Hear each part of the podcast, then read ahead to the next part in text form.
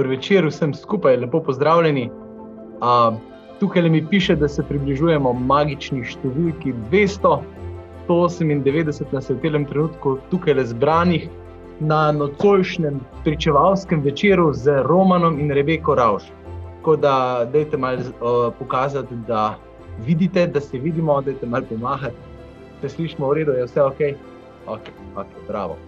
Um, tako da dobrodošli ja, pri družini in življenju, še, poti, še posebej kakšni takšni, ki ponavadi še niste bili z nami, pa ste nocoj prvič, uh, posebej dobrodošli, seveda pa tudi ena taka res lepa, prisrčna dobrodošlica, en tak naš virtualni, dižovski domač objem vsem skupaj, ki ste naši, ki smo naši, ki se uh, sicer redno v živo srečujemo, tokrat smo pa spet, kot že velikrat v tej koroni, zbrani skupaj na takle virtualen način, ampak prvič kot eno tako splošno diževo e-pričevanje, ki je za neko širšo publiko. Uh, naj povem, da smo s pomočjo vseh tistih, ki ste to lokalno organizirali in naše Marite Bec, uh, v tem postnem času in še malo podaljšku speljali že preko 15 takšnih manjših e-pričevanj za različne manjše skupine, za manjša občestva, za manjše župnije. Pa smo pa rekli, da je očitno to deluje, očitno so srečanja v živo nekaj, kar si želimo vsi skupaj, tako da dajmo proba še enega tazga, ki ga mi, bom rekel, centralno organiziramo. In ko smo brskali med našimi pričevalskimi pari, ki jih je 25, ker nismo vedeli, katerega bi izbrali, pa smo pa rekli, da imamo Romana pa Rebeko za začetek. Mi se tudi že malo poznamo z njima v tem smislu, da smo se tudi za intervju za revijo Družina in življenje že pred časom pogovarjali. Um, tako da tedaj, dej prosim, njiju tudi kar spotlighte zraven, tukaj imam jaz eno celo podporno ekipo zadaj, ki pomaga. Tako da Roman in Rebeka, živijo, dober večer, dobrodošla. Dober večer, dober vsem večer. skupaj. Dober večer tudi vama dvema. Torej, ja, nocojšnji večer bo potekal v obliki pogovora med nami tremi. Um, pa predno začnemo, imamo pri družini in življenju navado, da začnemo najprej tam zgoraj. Da predno gremo v horizontalo, pa ne spat, ampak v smislu križa, predno gremo na to, bi rekel, raven naših medosebnih odnosov, gremo najprej na odnos z Bogom, pa bomo zdaj le za začetek za uvod eno kratko molitev. V imenu Očeta in Sina in Svetega Duha. Amen. Vsemogočni Gospod Bog, zahvaljujem se ti za prav vsakogar, ki je nocoj tukaj z nami, pa tudi za vsakogar, ki bo to gledal kasneje. Um, zahvaljujemo se ti za to neverjetno tehnično možnost, ki je vsi skupaj še pred parimi leti ne bi niti sanjali, da nas bo lahko tako v nekem trenutku 200 ljudi, ki bomo vajeni zuma, zbranih tako le skupaj zvečer, vsak v svoji dnevni sobi, v svojem kotičku pa vendarle združeni v tvojem duhu. Zahvaljujem se ti za to priložnost in ja, zahvaljujem se ti tudi za to, da deluješ v vsakogar od naših življenj, vsakem od naših življenj. Zahvaljujem se ti za to, kako si do zdaj deloval v življenju Romana in Rebeke. In v njunem življenju je bilo kar nekaj prelomnih trenutkov, ko si se jo dotaknil na poseben način. In tudi v naših življenjih so prelomni trenutki, in mi te zdaj le tukaj skupaj prosimo, da bi bil nocojšnji večer eden od takih trenutkov tudi za najo, tudi za nas. Um, prosimo te, da nam to omogočiš v svojem svetem duhu. Kristus, našem Gospodu. Amen. Slava Očetu in Sinu in Svetemu Duhu. Kako je bilo v začetku, tako zdaj in vse le in vekomaj. Amen. Amen. Očeta in Sina in Svetega Duha. Amen. Tako, Roman in Rebeka, predne se mi čist sami posvetimo pogovoru, bi rekel tako: tole je uživ dogodek in prednost živega dogodka je, da lahko tudi vi sodelujete. Tako da, evo ga, Eva Staričeva je že rekla: Dober večer vsem. Uh, dajmo lepo uporabiti to priložnost tega četa z lepo slovensko besedo. Uporabimo priložnost, da se med seboj, da si kaj napišemo, da si kaj povemo pa da vprašamo, kakšno stvar tudi mimo grede, pa če bo možno, jo bomo tudi noter v naš pogovor umestili. Uh mhm. -huh. Ok, Roman in Rebeka Rauš, to tega radi zela, čuj. Točno tako. Kaj te češ? Kaj te češ, ja, lepo je, super sta. Zelo se imamo radi, vsako leto smo bili kar nekaj let zapored zbrani po en teden skupaj v našem ljubem vržeju, ne, na tem našem duhovnem tednu za družine. Tako da smo se že tam privat kar lepo spoznali, pa večkrat kaj ob večerjih, ob kakšnem pivcu kaj pogovarjali. Um, bi pa prosil, da se nam vsem skupaj mečkano predstavita, kdo sta, iz kakšnih družin prihajata. Uh, pol kasneje bomo pa še malo na to, kako sta vi dva prišla skupaj, ampak mogoče za začetek ena taka predstavitev vsakega posebej. Dobro. Uh, dober večer še z moje strani vsem skupaj. Uh, zdaj, kot si že povedal, jaz sem Roman, da začnem pri sebi, Rebeka bo za sebe povedala. Uh, ja, jaz prihajam z ene, bom rekel, take tradicionalne krščanske družine, ki ni bila z neko globoko vero, če govorimo o mojih starših. Sicer mi smo šli za večje praznike k Maši, to pomeni dvakrat na leto, velika noč, božič, to je bilo to. E, res pa je, da sem imel recimo babico, ki je bila pa kar verna, ona je pa pustila tudi kako delo doma ob nedeljah, tudi če je bilo nujno ali bilo kaj, pa je šla k Maši. Eh, tako da tam sem jaz imel mogoče malo več, oziroma ne mogoče, tam sem jaz imel ogromno spodbud. Dosti me je spodbujala uh, v krščanstvu, v veri, koliko je pač bilo z njene strani mogoče. To, recimo, se pravi, zdaj starši, ata, mama, prazniki, dvakrat, to je bilo to, ostalo pa, kako hočeš, ne, je že bilo takrat. Tako da, recimo, naredil sem pol, seveda, vse zakramente, uh, obhajilo pa Birmo. No. Tako da tam se pa potem počasi zaključilo, ali pa kar naenkrat. No. Naenkrat imaš eno posebno zgodbo, okrog tega pa bomo večkrat več na to temo kasneje. Drugač pa si edinc, imaš brate, sestre, tako mogoče nisi mislil v tem verskem smislu, zdaj tako malo kaj več o družini povedati. Ja, družina, aha, ok. Ja. Imam še eno mlajšo sestro, Uh, tako da bila smo dva. Uh, oče je bil sprva zaposlen kot delavec v enem podjetju, kasneje je bil šofer, ki je vozil po Evropi. Mama je bila delavka v podjetju, kasneje tisto podjetje nekako odpuščalo, je odpustilo tudi njo. Skratka, en čas je bila doma, kasneje je dobila eno službo, uh, se upokojila, pa je bilo potem to. to no. Mhm, mhm. ja. Revika. Tako. Dobro večer še z moje strani. Mm, ja, bom začela pri moji družini. Smo v naši družini dve punci. Imam starejšo sestro, oče in mama sta po poklicu bila trgovca, tako da jo dosti ni bilo doma, da smo popodneve ponavadi prebile same. Uh, za kremente, ja, sem imela vse, ampak se je pot uh, po Birmi, počasi ali pa hitro, no bom rekla, ker končala no, ta moj odnos z crkvijo, uh, pa z Bogom. Uh, načeloma, živeli smo preprosto družinsko življenje, ampak nekako za kaj drugega kot za praznike, pa ni bilo časa za Boga. Razen če so bile pa mogoče kakšne posebne težave, takrat smo se znali obrniti na njega, da bi ga poklicali v življenje, to pa ne, to pa sem se morala sama učiti. Mhm, mhm. Ampak vidimo, imamo pa še ja. dva otroka, to pa nismo povedala. Ne, ne še.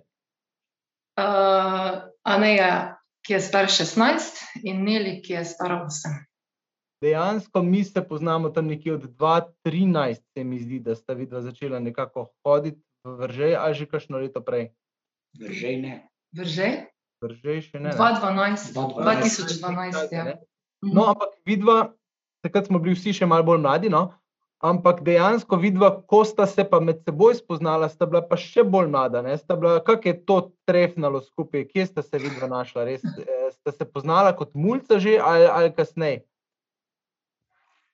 Pravzaprav, ja, vse smo še bila mulca, no, tam pri 19, 20, mogoče. Uh, ne, mi dva, kak smo se spoznala, pravzaprav tako, da smo se zvečer smo se recimo zunaj videvali. Uh, Rebeka je hodila tam slovensko bistrico, jaz sem bil tam slovenski bistrici skozi. Uh, potem smo imela neke prijatelje skupne, pa smo se tam, tam srečevala, pa videvala. No. Uh, Ampak, Ampak ne toliko, da bi se spoznala, samo na daleč videvala. A, on je bil tam, jaz na drugi strani in to je bilo to. Niste pa začela še hoditi, ali kako? Ne, ne, ne. Ste se dolgo vohala na daleč, ali ste pol? Sploh nismo vedela, da se vohamo, veš. On je pač bil tam eden izmed fantov, ki, vem, ki je rad klepetal že takrat. No. Ja, no, on te je pol že petel, ne? Ja, Ja, ja, ja. Skrivaj. ja. No, do, to je dobra taktika, Roman, to je super. Glej, Tako da Ja. on še šel malo dlje, ne? on ni samo ostal pri tem, da je nadalje pecal, pa si še celo drzno uh, me prehitevati, oziroma naj dve sestrično, ko smo še enkrat m, proti jutru že domov po avtocesti in moja sestrična je res uh, vzorna voznica, ampak očitno prepočasno takrat za Romana in naj jo je prehiteval po desnem voznem pasu, upam, da ne posluša kakšen policaj. In, in da že takrat se je rad smejal ven in mi mahal, in se je zdaj pa, daj neha, kaj je zdaj to neki kreten, da naj prehiteva tam po desni, mislim. Ne. Samo moram dodati ne, popravek. Če bi jaz prehiteval po počasnem pasu, bi še bilo ok, jaz sem mogel po odstavnem pasu, ker sta bile na počasnem, tako počasni. Nama se ni zdelo. No. Oj, Ja, nič ne. En Ja, prijatelj, tako da, en naš prijatelj pravi, lepa dekleta ljubijo barabe. Ne? Pa evo, tako si rekel, čuj, ne. Ti si bil mal barabca, praviš, Roman. Ne? Pa evo. No, ampak sta pa vendarle kljub temu kar dosti zgodaj zakorakala potem tudi na skupno pot, sta se poročila še kot mlada. Ne? Kakšna je bila ta vajna izkušnja? mm, za mene je to bil dober korak no, v najnem življenju, zaradi tega, ker smo se skupaj oblikovala.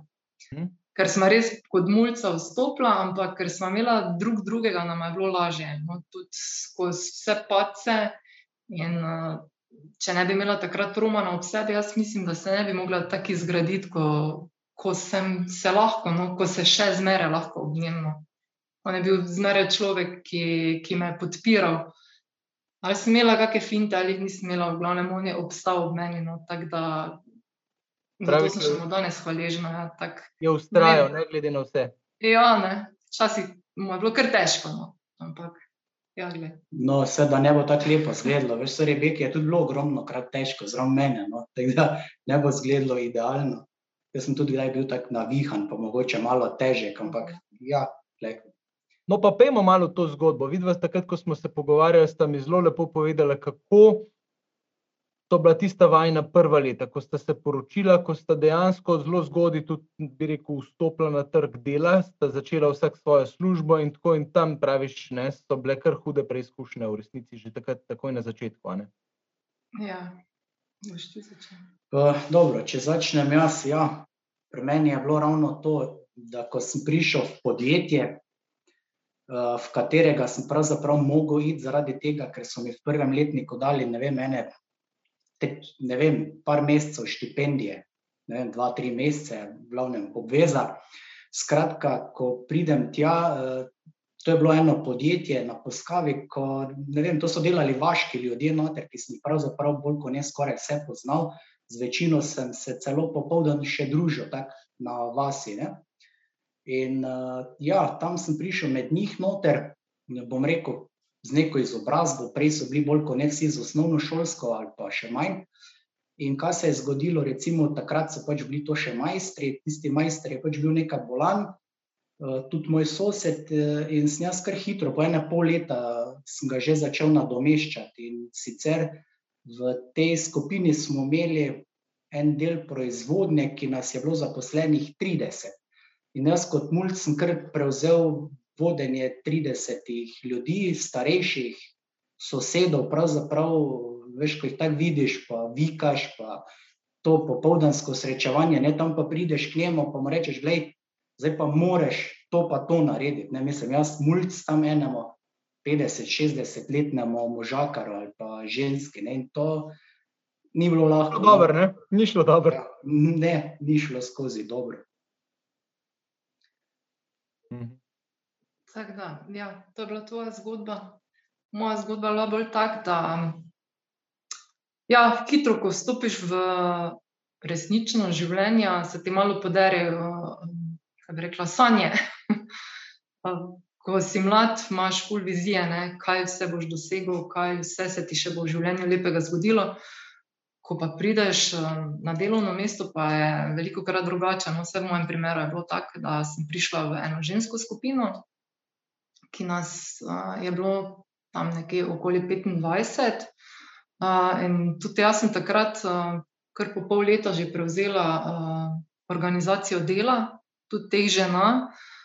Ampak ne vem, če mogoče pri Romanu ni bilo toliko spotikanja, pri nas pa ga je bilo kar precej. No, žene, ženske znamo biti uh, kar osorne, kar uh, si nastavljati vodice druga druge. No, in uh, je bilo kar težko se ne zameriti, pa uh, biti odločen ne, v tistem trenutku, ko je treba.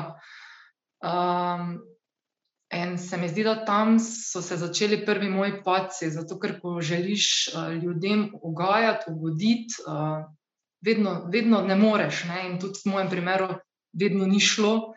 In ne vem, po naravi pravijo drugi, pa tudi jaz vidim, da sem tako bolj občutljiva duša, da, da me kar vse zaboli notri v srcu. Se mi zdi, da to dolgoročno jaz tega ne bom zmogla. No ljudi nekako, kako bom rekla, no, potiskati neko delo, ki včasih sem vedela, da mu ne bojo kos, zato ker nadrajeni ne vidijo človeka kot človeka, ampak vidijo samo količina, ki pa mora biti narejena v določenem času. Uh, tako da, ja, tu se ti malo razblinijo sanje, pa mogoče vizije, ki jih imaš za življenje. No. Tako da tu so se, mogoče konkretno pri meni, začeli prvi paci. Mhm.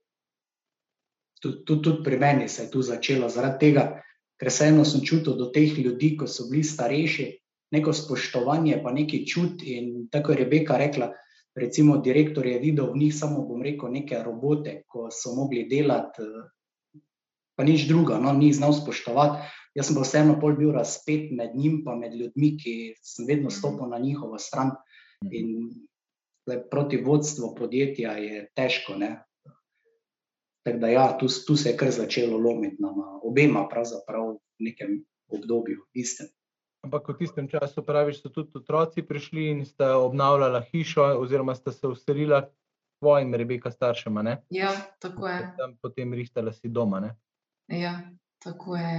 Uh, ja, pa je prišel sin, um, tako v službi se ti že začne lomiti, pa še postaneš mama pa se še ti bolj lomi, eh, zaradi tega, ker takrat pa ugotoviš, mm, če pri vsem drugem nisem ugotovila, tu sem pa ugotovila, da ne morem biti eh, perfekt in idealna. Če, če se lahko na vse pretege trudim, ampak je nisem dosegala te idealnosti. No, to, kar sem želela dati sinu, v tistem trenutku, ko sem postala mamica, ne, eh, nekako ni šlo. Ne?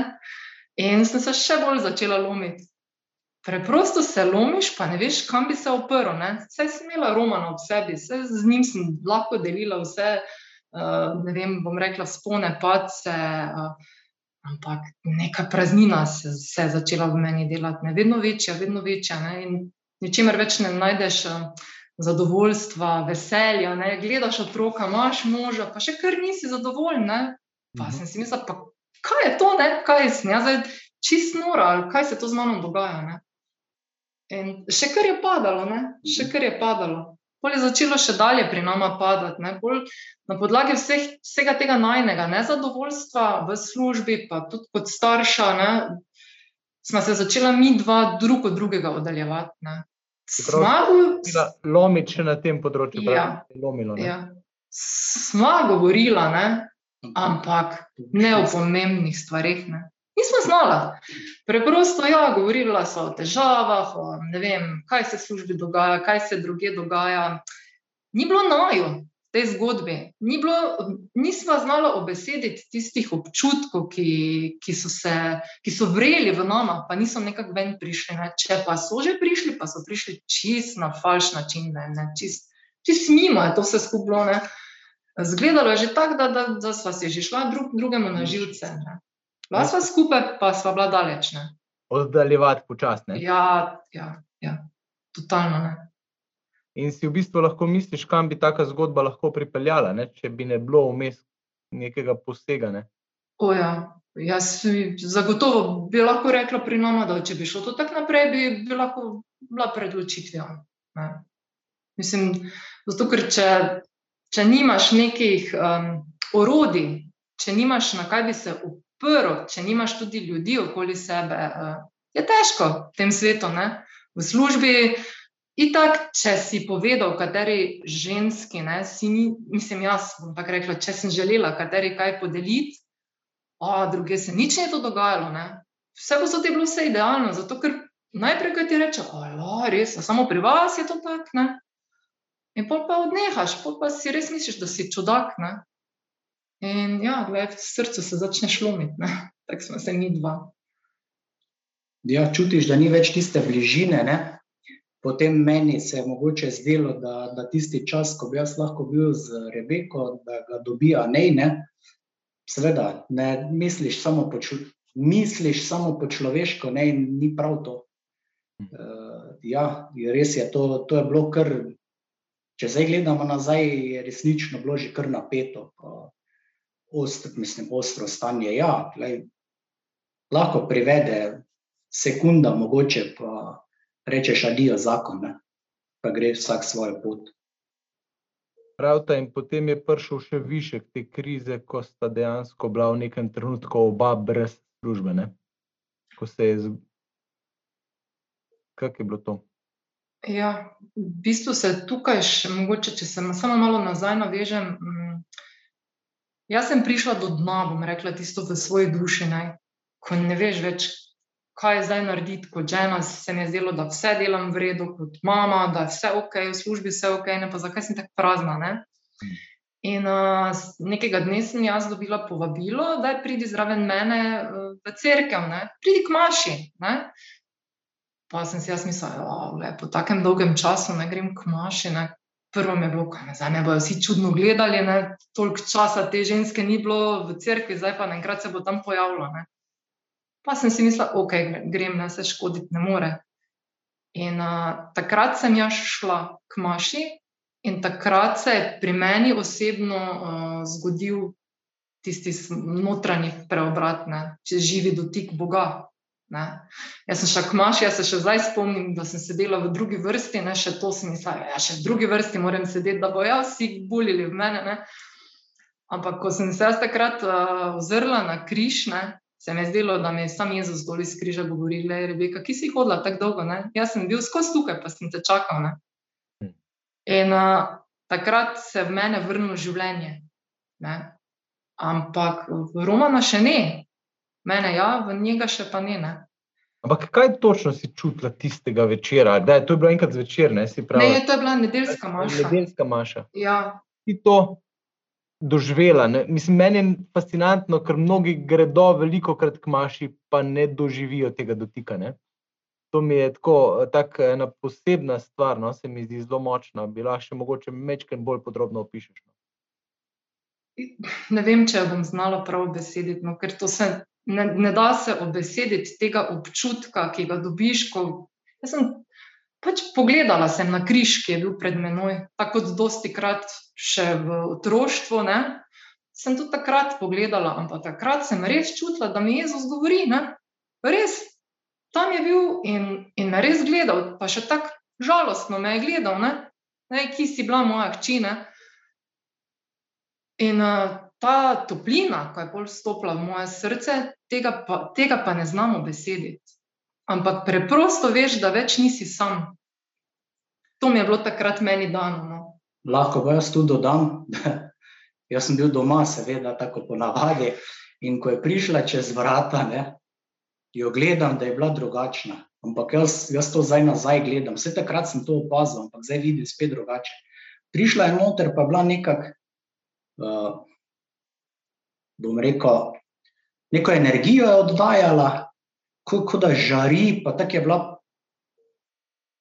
posebno lepa. No? Nek, neki, neki taki sijaj je imela, no? da, da se je videlo, da je neka drugačna, ne? da se je nekaj naredilo. Ampak seveda, jaz nisem verjel, da se lahko to v cerkvi naredi. Jaz mislim, da je mogoče more kaj povedati, ampak ok, ne, tako je bilo. Oni, fa, oni padajo na finto žene. da je zdaj žena doživela vem, veliki preobrat in zdaj, uh, zdaj pa je drugačna, ne? zaradi tega, ker prej je doživela zraven mene pace. On meni ni verjel, da sem jaz lahko drugačna, ne? skozi ja, tisto mašo. Najbrž ne. Kaj? Sploh ne tako, ja. Ne? A itak, ne. Je... Če sem pa moški. Ja, Kakšen no. ego je to, gledaj, plafon nabija. Ne, veš, veš, kaj se je moglo zgoditi. Uh, čist tak na, na prvo, en taki preobrat je bil takrat 2010, ko smo bila na debelem rtiču, temeljni seminar.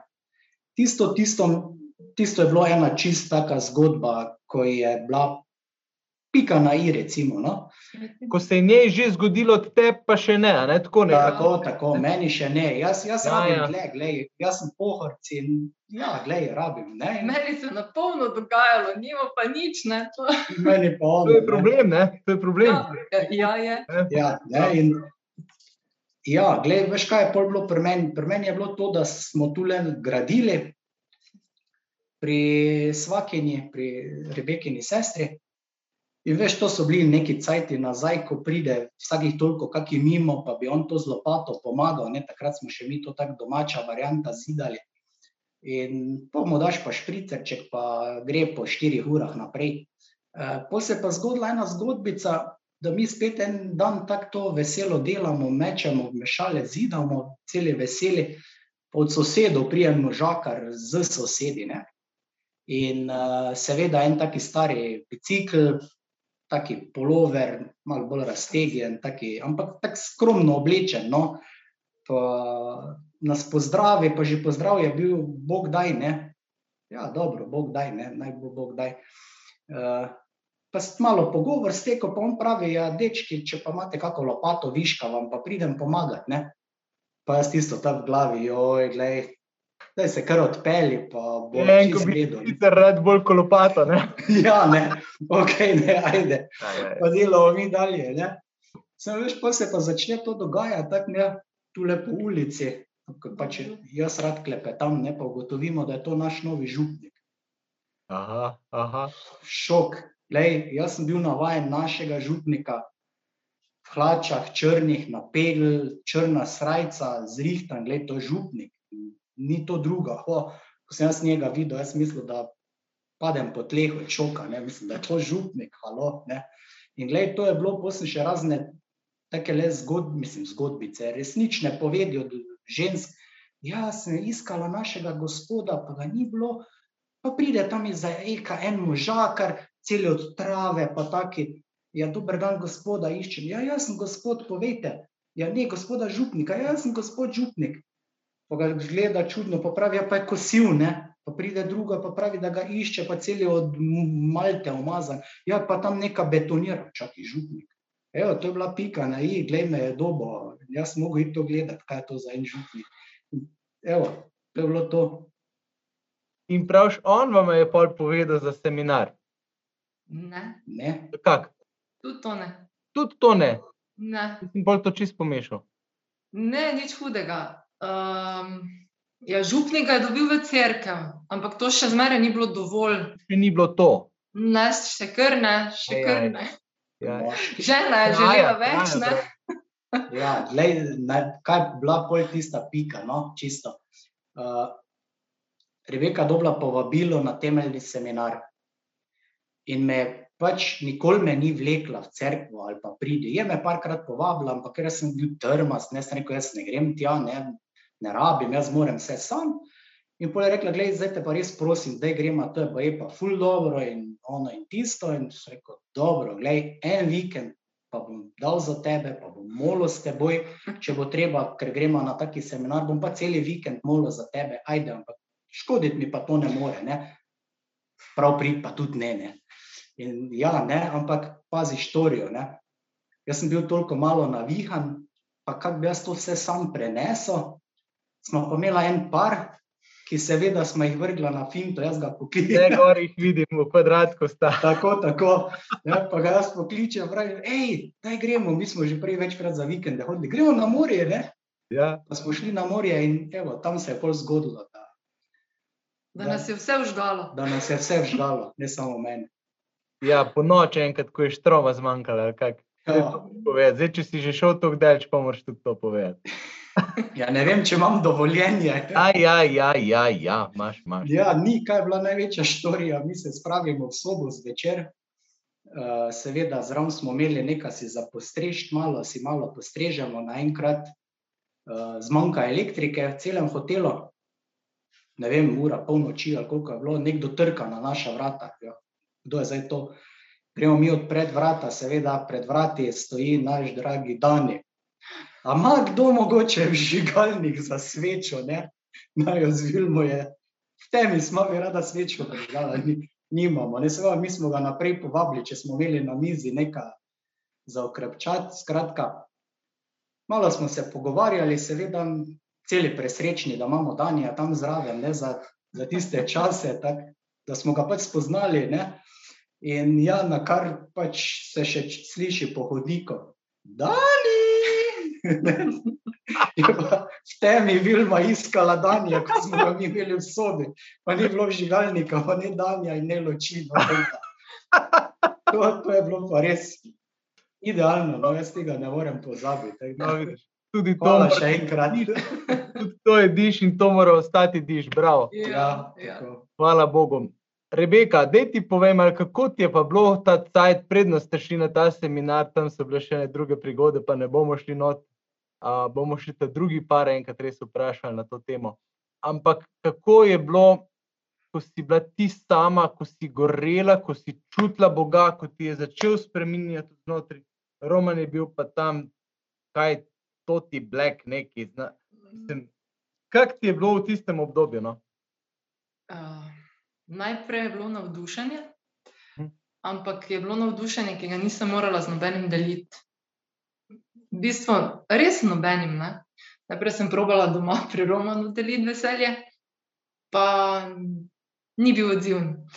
Uh, pol sem še šla dalje, pol sem še probala deliti v službi. Ne? Nisem mogoče pa me bo ženske razumele, ne? pa mogoče pa katera podobno živi kot jaz. Pa, Pa sem jaz razlagala, kaj občutim, pol, kaj berem, vse to sem jaz kar vse delila. Ne?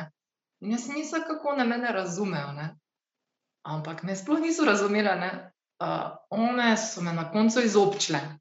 Preprosto so me izobčile, kar na, bom rekla, kar na hard način, no, kar, kar na trdo. Ne?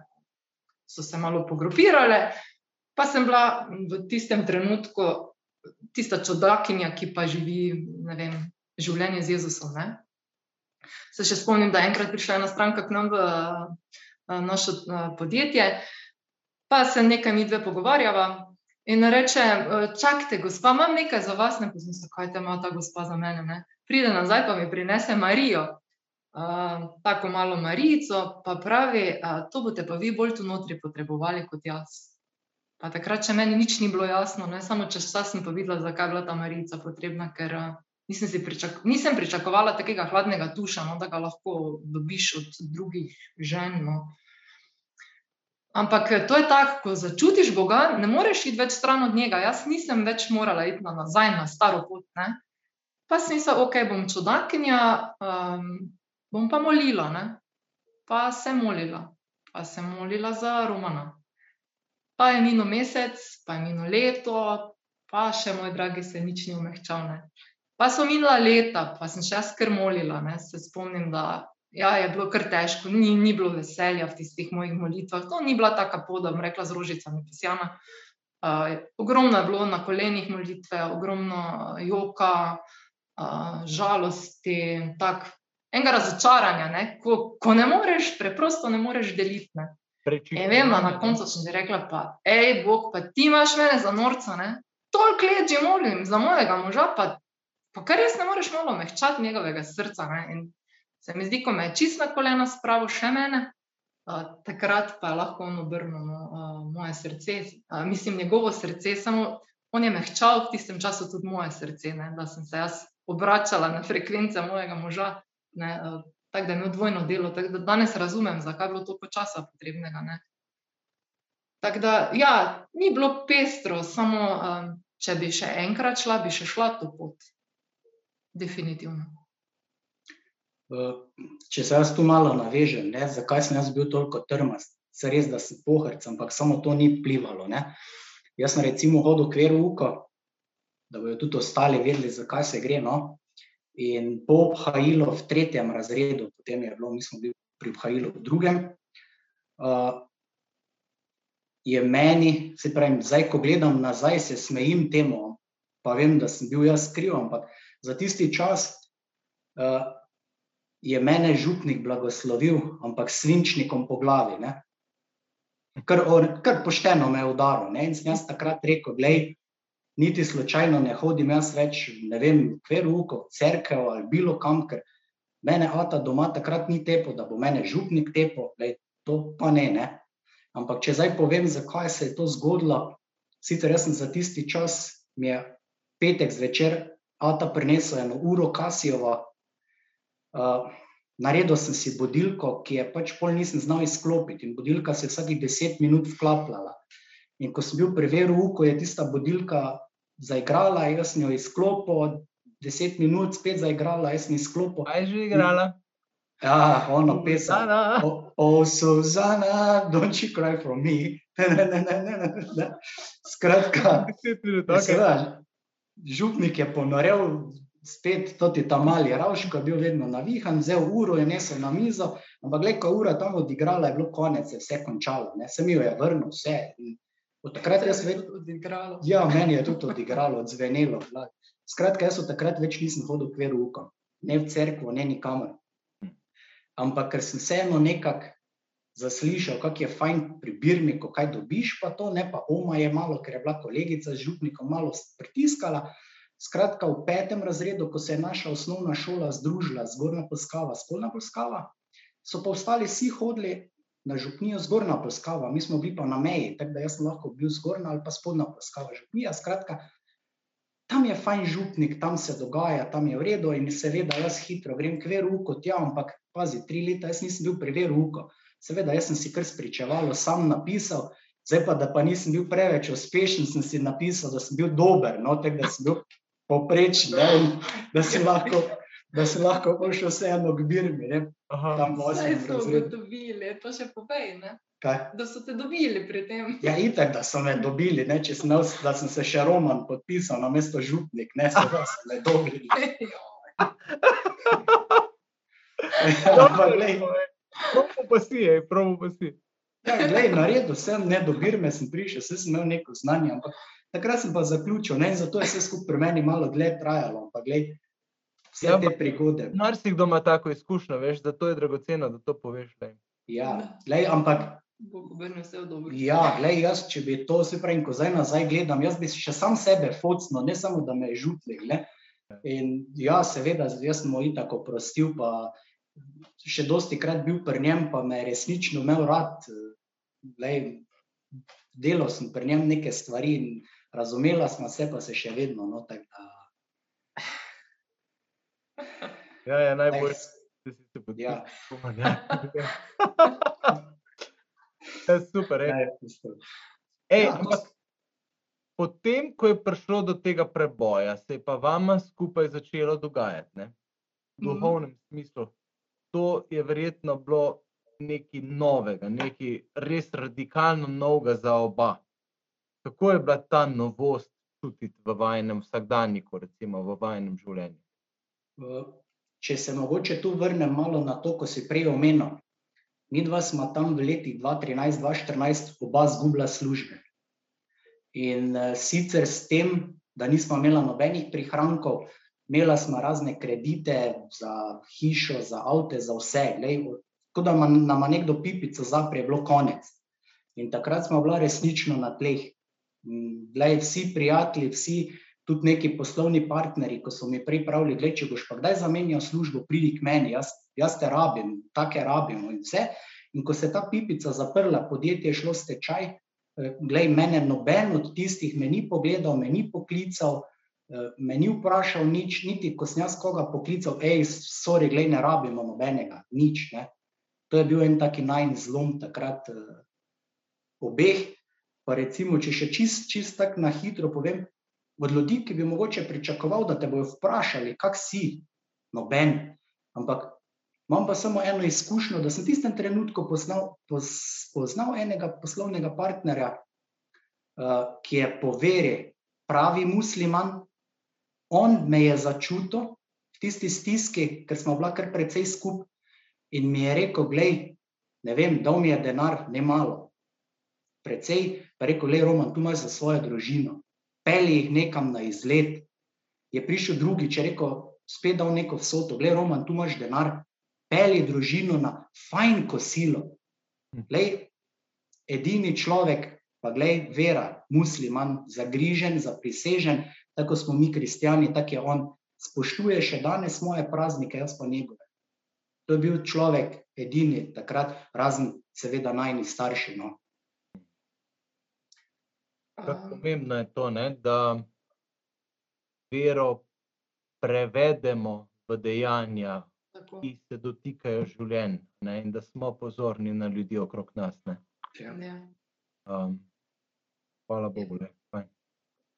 Je tako, ko se zlomiš, ne, se mi zdi, da Slovenci smo kar precej delovni ljudi. Ne. In um, si sploh človek ne zna predstavljati, da pa lahko pride trenutek, ko ostaneš brez prihodka. Ne. In um, na koga se takrat obrniti? Ne. Fehtati, zdaj ne moreš okoli, vsak ima svoj uh, kufer, ki ga moraš lepati. Ne. Mm. In uh, Roman je takrat uh, šel iz popoldanskega SP-ja na celodnevni SP, ampak uh, on nikjer ni imel, bom rekla, zagotovljenega dela. Vse, kar je, si je moral sam poiskati. Ne? In uh, to, kar je poiskal, to smo imeli. Uh, jaz tistem, čim si se ukvarjal in s čim se še zdaj ukvarjaš v resnici? Mm, Jaz sem takrat že poleg podjetja, v katerem sem bil zaposlen, uh, saniral okna lesena, Mhm. poškodbe od točk, teh stvari. Pa takrat sem še pretežno senčila, rolete, žalozije, te stvari menjaval, servisiral, pa stekla Mhm. menjaval na oknih. Ne. To je bilo takrat, potem je pa s tem stečajem se zgodba razvila v to, da, da sem se začel pa malo bolj ukvarjati z okni, uh, s samo proizvodnjo lesenih okn, servisom, montažo, vsem tem, kar sem še prej delal, poleg razne kakšne nadstreške, take stvari. Kaj, kaj pač bilo tako, no, za, za dodatni neki zaslužek. Tako da tisti del mi je zdaj ostal, dodalo se je še pa pač proizvodna okna, no, se je dodala, tako da to je zdaj neka novost. Ampak, če še samo recimo eno tako stvar, preden sem jaz štartal z SP-jem, so mi ponudili službo v Avstriji. Mhm. In na hitro sem se jaz tam zmenil za službo, z zelo lepo plačo za naše razmere, ker so me resnično rabili in so mi pač ponudili malo več. Ampak pojem tiste zgodbe je bil, ko sem jaz začel računati, ob šestih zjutraj grem, ob šestih zvečer pridem. Jaz imam družino, potem sem začel računati, da rabim čas na poti, ki ga bom porabil, čas malice, kilometrine, vse sem zračunal, da bo mi ostalo toliko, kot da grem delati tu v eno podjetje za 900 evrov. Skratka, naslednji dan, ko bi jaz mogel iti delati v Avstrijo, sem zvečer rekel Rebeki, glej, jaz se bom odrekel službi, to je moje mišljenje, jaz se bom odrekel zaradi tega, ker tisti denar mi ne pomeni toliko, kot mi pomenite vi, da bomo mi skupaj, ker resnično se ne bomo videli. Mhm. In potem smo mi dva pravzaprav se skupaj tisti večer odločila, da jaz naslednji dan nisem šel v službo v Avstrijo, čeprav smo bila brez prihodkov, brez bilo kakega pritoka denarja, brez bilo vsega. No. Wow. In praviš, Ja. V resnici je to že odsev tega, da sta vidva že spoznala Boga, da sta družino postavila na top vrednoto in da ste v taki kritični situaciji se lahko z vero, ne v gledanju, ne, ampak v veri odločila, da boste sledila tej vrednoti, Bogu pa družini v resnici. ne. Zdaj, to res, uh, v bistvu smo zdaj pet do ure, pa imamo še kakih deset minut, tako da dajte malo povedati, kako se je res ta odločitev za Boga konkretno poznala v vajnem odnosu, pa v vajni družini. Pa tudi tako, kako sta potem, bomo še večkrat, pa v drugi fazi pa še kako z dižem hodita in tako naprej. Glej, pravzaprav v tistem trenutku nismo imeli druga kot Boga, Mm. ker na koga se obrniti. Ne vem, lahko si pristopil do bilo koga, če ga nisi poznal, nisi dobo dela. Služb itak ni bilo, tako da z moje strani jaz druga nisem videl, kot SP, pa tiste stranke, ki so odprej bile. Skratka, glej, ni bilo dela na pretek, financ ni bilo, za vsak evro sem se gnal. Mislim, se ne, da sem se samo jaz, se je tudi Rebeka zraven trudila, ne, ampak koliko smo lahko skupaj, ampak takrat ni bilo druga, ko, ko vera. Zaupati, enostavno zaupati, prositi. In v samem začetku, ko smo prosila, zaupala, je vedno, ko so prišle položnice, ko sem videl poštara, sem rekel, pa kaj ga je bilo treba, ne? Vse ga ne rabimo. In ko smo računala položnice, gledaj, toliko sem jaz imel dela, pa če je bilo to 801 evrov položnic, sem jaz imel za 801 evrov dela. Vedno se je prekrivalo in glej, če tu ne, zau, mislim, ne verjameš, da lahko zaupaš, pa da ti je od tega bilo dano, jaz ne vem, kdo mi bo točno zračunal, da rabim tako vsoto, ko, ko jo rabim, no, ko je tam le zahteva. V bistvu je naju, Pa še ko je prišla dohodnina, ne? tako, ampak tu skozi to obdobje naju je Bog šolal, ne. Um, to je bila za naju ena šola, zaradi tega, ker naju je učil varčevati v tem obdobju. Mislim, midva sva varčevala še v tem obdobju. Jaz danes ne bi ti znala povedati recepta, kako je bilo to možno, ampak midva sva takrat bila pol sposobna, ne zdaj v obdobju pol leta, ampak recimo v obdobju leta pa pol, oziroma bom raje rekla dveh let, ki je bilo to kritično obdobje, sva midva bila sposobna uh, poplačati uh, kredita, dva kredita. Ampak ja, Bog je bil preračunljiv. Toliko, koliko smo rabili, toliko nam je dal.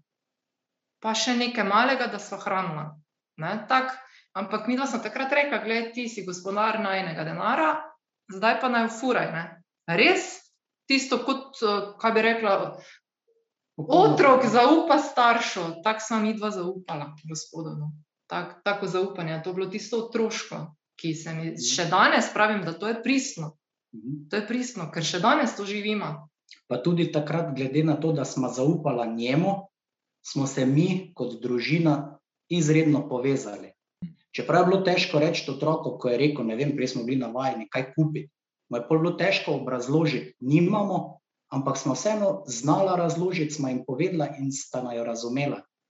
In tudi zaupanju med nami je zrastla ena močna povezanost, ne samo med nami, pa tudi potem z Jezusom. No.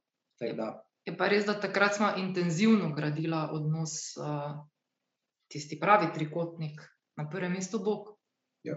Intenzivno. To, mi dva tudi, uh, ja, dohodnino, ki smo jo dobila, smo jo naučila, zato da smo šli uh, na duhovni teden za družine. In to, tega ne izpustimo, če smo le zdravi. Mi dva v to vlagamo, zato ker to je za njo večnost, to je za njo naložba. In uh, se spomnim, da imeli smo ravno od tega gospoda, ki je dal takrat, zdaj bom rekel, ne vem, si izmislil 100 evrov. Uh, in smo rekli, ja, kam gremo. Ja, nič, neke, neki duhovni vikend je bil uh, v Kopru in naj ena prijatelj, prijateljica povabila. Pa smo rekli, ja, gremo, samo kje bomo pa spali, ne? če nimamo za prenočišče. In je pol njen mož uredil, da smo prespali v župnišču. V Kopru, ta gospod Župnik je bil ful, ful prijazen, on nam je odstopil sobe, kuhno, vse. In mi smo se imeli tako fajn tiste tri dni, tako res krasno. No? V trgovino smo šli, smo lepo sendviče jedli, pa gledali uh, tam tiste Luko. Koper trajekte, mala dva sta bila cela srečna, mi dva pa tudi, se ne rabiš več za srečo. ne. Tako da uh, tu smo mi dva začela graditi intenzivno in uh, tu se ne neha. Tu začneš, pa, pa več ne nehaš. Ne? Tako da, ja, v tej smeri hodimo naprej. Kako pomembno vam je bilo v vajni zgodbi, zdaj, če gledate celoto, to, da vse nista nehala pri sebi, ampak da sta šla v to, da dajeta naprej. Videla sta bila najprej voditeljski par, potem sta v neki fazi rekla, da sprejmeva, bova služila, sprejmeva tudi kot regijski voditeljski par. Veš, eh, to je en angažma, ne, ki je čist prostovoljen, pa obenem, kot vem, ogromno prejme človeka. In, in brez tega, da se daš na razpolago, verjetno tudi sam ne bi tako rastel. Točno. Tu se je začelo prav s tem, da uh, se veš, vsak se otepa, recimo, biti voditeljski par. Ne? Čeprav za mene ni, ni nekako hudo ali pa to težko, ne? to je rast za najo. In uh, tudi to, da recimo da, da sem bil v zakonu, da sem še v zakonski, da sem stopil, to je bilo nekaj veličastnega. Glej, to ne bi zamenjal za nič. No? Mislim, ker resnično, eh, če povem tako, da recimo, da ne vem. Za spremembo je poklicala Vilma, če bi mi dva prevzela eno zakonsko skupino, ne z danes na jutri. Uh, ja, smo prevzela, ampak mi dva, mislim, kaj lahko damo mi dva skupini. Sicer, ampak smo sprejela, smo rekla, da je ja, skratka, prevzela skupino in potem smo čutila po tisti skupini, da mi dva, koliko smo njim dajala, so se oni odpirali, pa dajali nama nazaj. In mi dva smo dejansko na koncu imela bistveno več od njih, kot oni odnajo. In tu, potem, ko si v tem krogu, odprt, mislim, odprtem krogu v zaupanju, ko vidiš, kako eni živijo, kako ti živiš, malo primerjave delaš in vidiš, da ti ne delaš na robe, on ne dela na robe, ti lahko tak, ti lahko tak. Smo rekli, da je enostavno, padla smo v to, uh, videla smo, kako to laufa, da nek, nekaterim lahko ti pomagaš, drugi lahko tebi, rasla smo in smo rekli, da ja, je uh, enostavno. Tu, tu je ena skupnost, ne? tu smo pa lahko delila.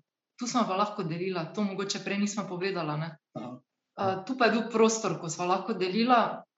Pa tudi, ko sem delila svoje občutke o Jezusu, ne, me žene niso nič čudno gledale. Mislim, to je bilo za mene, wow, ne, kaj zmorejo ob meni obstati.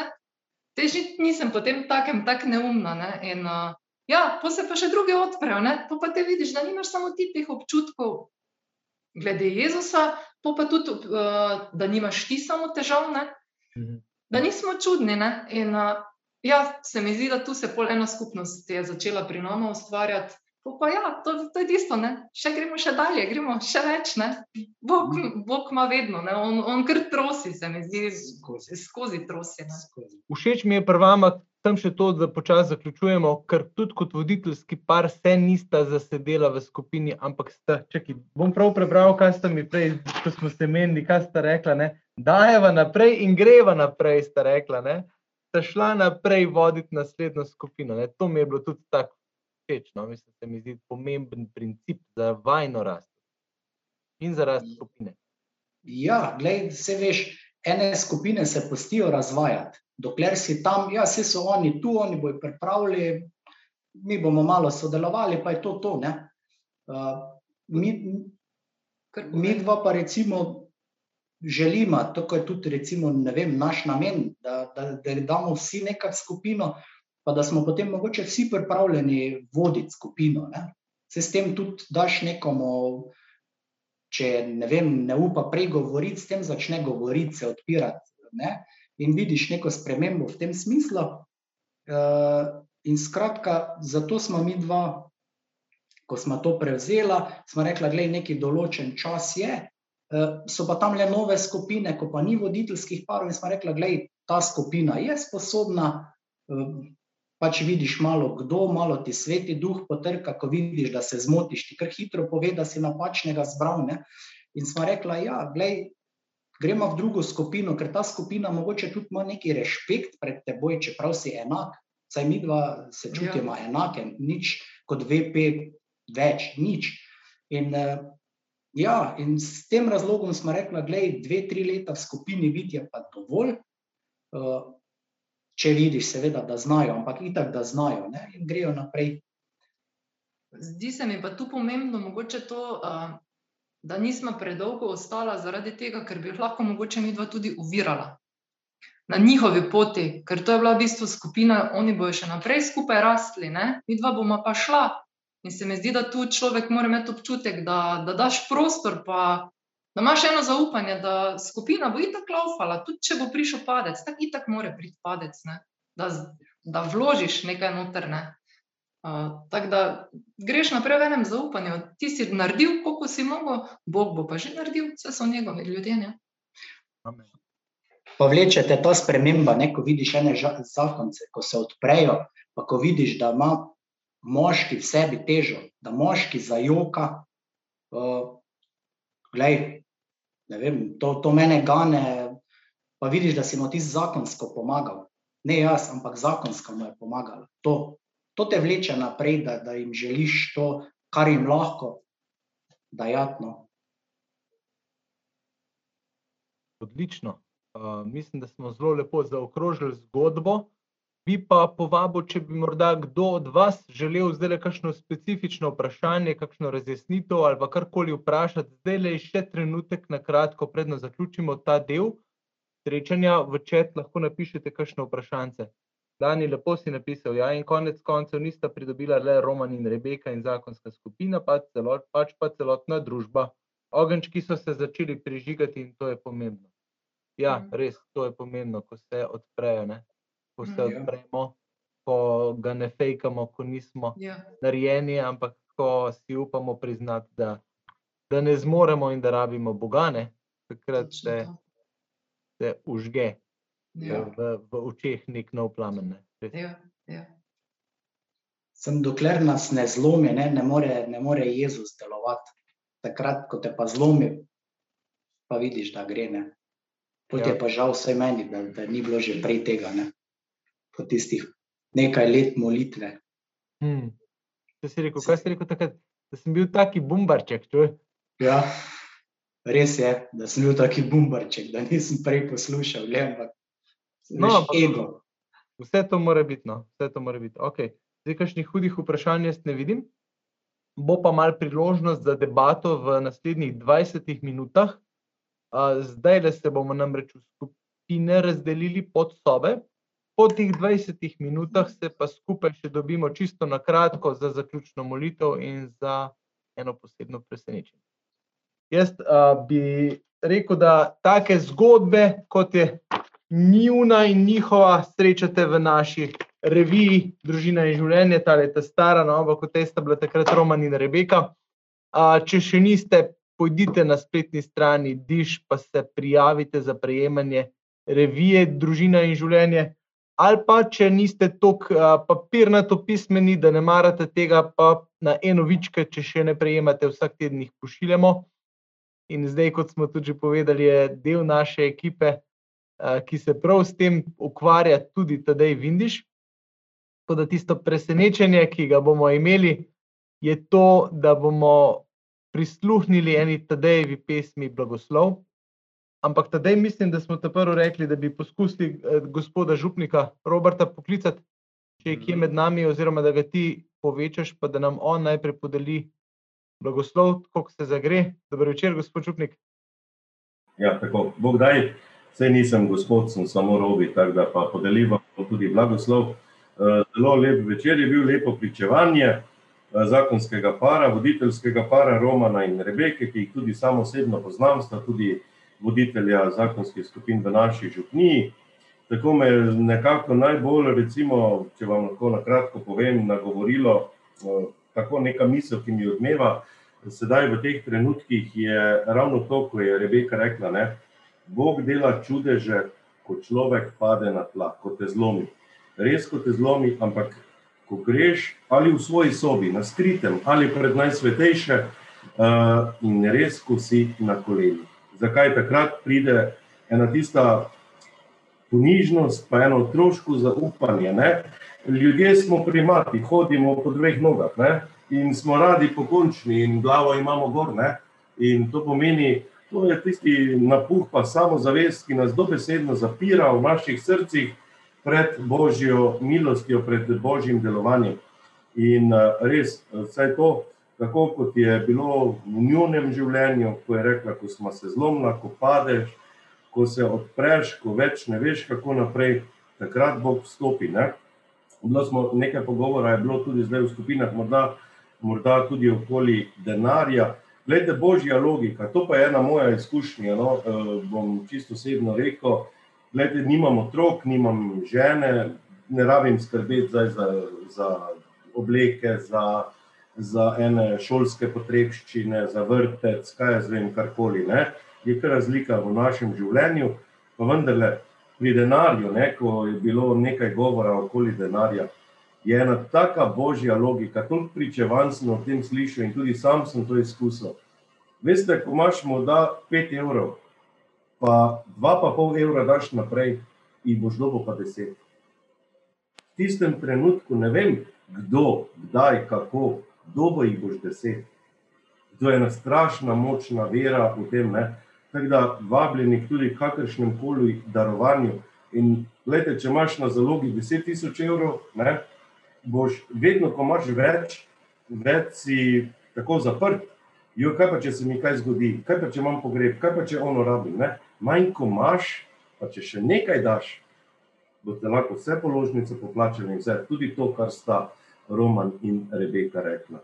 Da, zdaj pa, ker smo v tednu molitve za duhovne poklice, od 3. do 4. velikoročne nedelje, nedelje dobrega pastirja, pa vemo, da duhovni poklici ne zrastejo kar tako. Tudi uvoz duhovnikov, ne, kjer so to poskušali v Avstriji, eh, pa v nekih drugih državah, ni to to. Jaz vedno pravim, duhovni poklic mora zrasti v domačem okolju, da je slovenski korenin in da je duhovni poklic slovenska duša.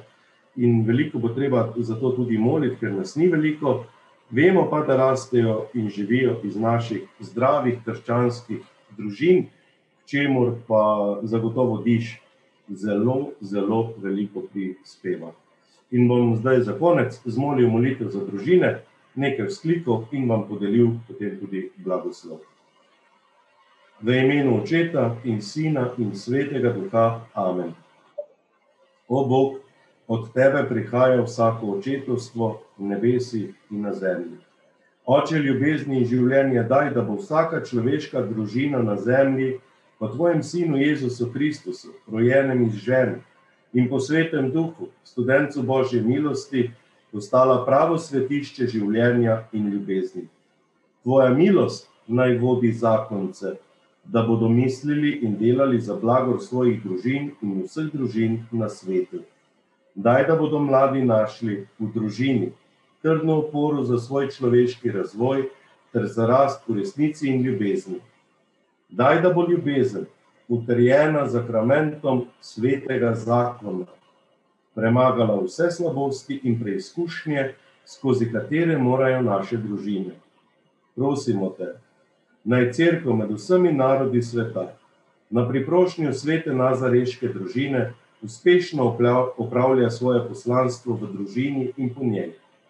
Vse to prosimo iz srca Tebe, ki si življenje, resnica in ljubezen v edinosti s Sinom in Svetim Duhom.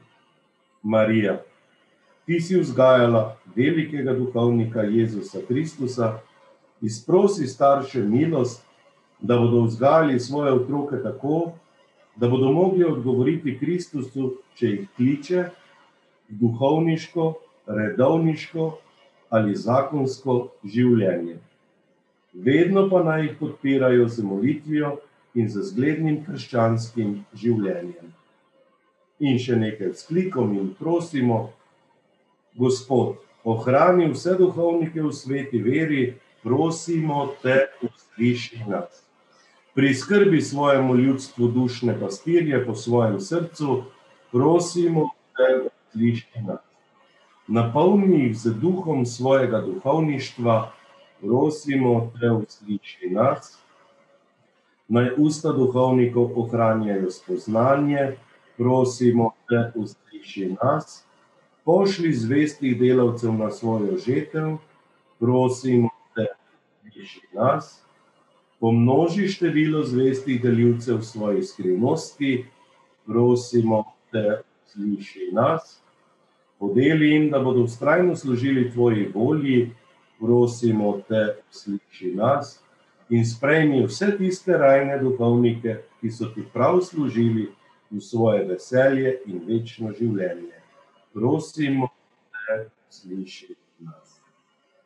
Slava očetu in sinu in svetemu duhu, kako je bilo v začetku, tako zdaj in vselej in preko maja. Gospod z vami, blagoslovi, varuje in tolaži naj vas v vašem trpljenju, v vaših stiskah, vse zakonce skupnosti diža, tudi vse zakonce tega naše države, tega sveta, naj jih varuje, da bodo ostali skupaj, naj se pogovarjajo med seboj, naj si delijo svoje težave, mnogo jih je v trpljenju. Na vse to trpljenje in na vse blagoslovljene zakone, sedaj kličem Božjega blagoslova, tako tudi na vas, na vaše družine in vaše otroke. Bog Oče blagoslovi v imenu Očeta in Sina in Svetega Duha. Amen pa lepo počivajte nocoj v miru in se jutri polni novih moči, podajte v novo življenje in samo temu, kar nam življenje vsako minuto tudi prinaša. Bog povabi. Bog klonaj, gospod Robi. Hvala lepa. Um, lepo pozdravljam še ostale duhovnike, gospod Aleš Svicmen pa gospod Marjan Veternik z nami. Hvala lepa. Um, Tadej, izvolite.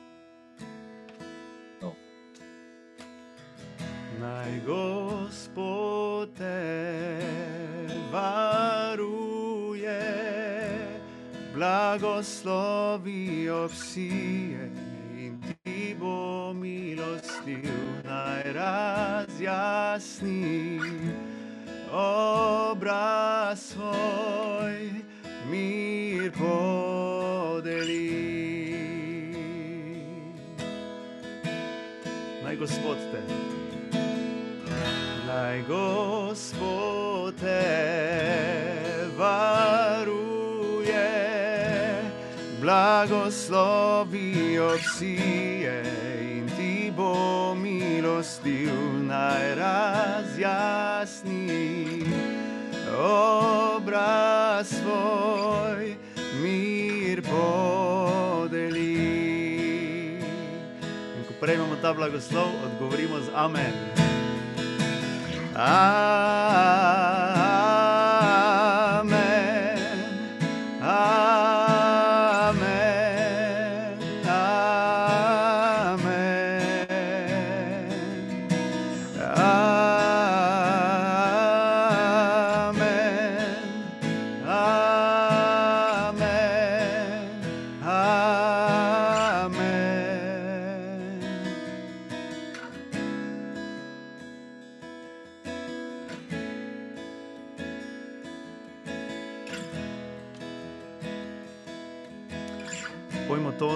Našimi družinami, nad našo državo. Naj Gospod bo naklonjen še čez tisoč generacij, vsej družini in otrokom, tvojim vnukom in pravnukom. Naj Gospod bo naklonjen še čez tisoč generacij, vsej družini in otrokom, tvojim vnukom in pravnukom. Naj prisoten bo ob tebi, gre pred tabo in za tabo te obdaja, je v tebi, on je s tabo, on je s tabo, vse od jutra do večera, ko prihajaš in odhajaš, in ko jočeš in se smeješ, on je zate, on je zate.